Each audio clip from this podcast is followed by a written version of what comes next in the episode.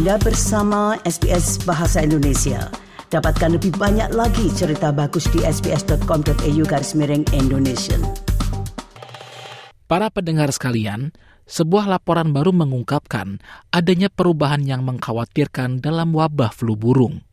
Laporan tersebut menunjukkan bahwa wabah penyakit yang sebelumnya hanya terjadi di Asia ini kini terjadi di berbagai wilayah di dunia dan berdampak pada sejumlah besar unggas.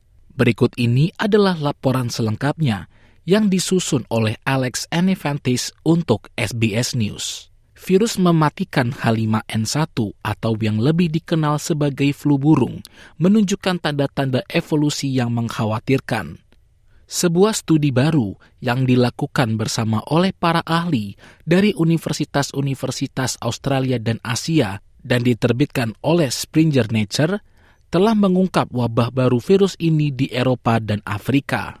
Profesor Raina McIntyre adalah kepala program biosecurity di Kirby Institute di Universitas New South Wales.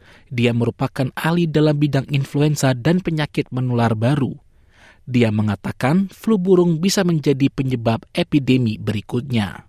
It's always been the fear that one of these highly pathogenic avian flu viruses will mutate to become easily transmitted between humans and um, there's a lot of red flags around this particular, one particular clade as we call it, of the H5N1 that's been spreading in the last year or two. Wabah virus H5 pertama kali tercatat pada tahun 2014. Profesor Michael Ward adalah Ketua Kesehatan Masyarakat Veteriner dan Keamanan Pangan di Universitas Sydney. Dia menjelaskan bagaimana virus tersebut telah berubah selama beberapa tahun terakhir. It rapidly spread across Asia and Europe and Africa, and that was thought to be as a result of the virus being taken by wild birds that migrate um, across continents. So it spread quite rapidly, um, and that might have been associated with sort of changes in the virus. And then lately, we've seen in the last sort of three to four years, we've seen another sort of change in, in this virus, and we're we're seeing these sort of ongoing outbreaks that are occurring in uh, particularly Northern Europe and also the US. Penelitian lanjut mengungkapkan bahwa virus H5 telah bermutasi. Virus tersebut juga telah menjauh dari Asia, tempat asal virus tersebut.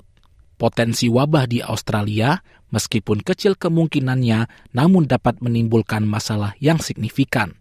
Profesor Ward mengatakan negara-negara lain yang terkena dampak virus ini menghadapi masalah besar dalam rantai makanan mereka. Trying to control the disease led to a lack of poultry products, you know, lack of you know, meat and eggs. Um, so had that sort of consequence. Just you know, the, the supply um, dried up very quickly because the authorities were trying to control the disease. So that's sort of the problem. The disease also does can be quite devastating when it gets into poultry flocks.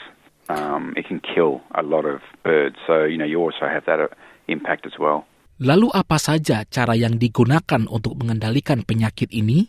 Pakar epidemiologi di Universitas New South Wales, Dr. David Muscatello, mengatakan ada dua cara untuk menghentikan flu burung. There are two main methods as I understand uh, that are used, uh, particularly in domestic animal or, or agricultural applications.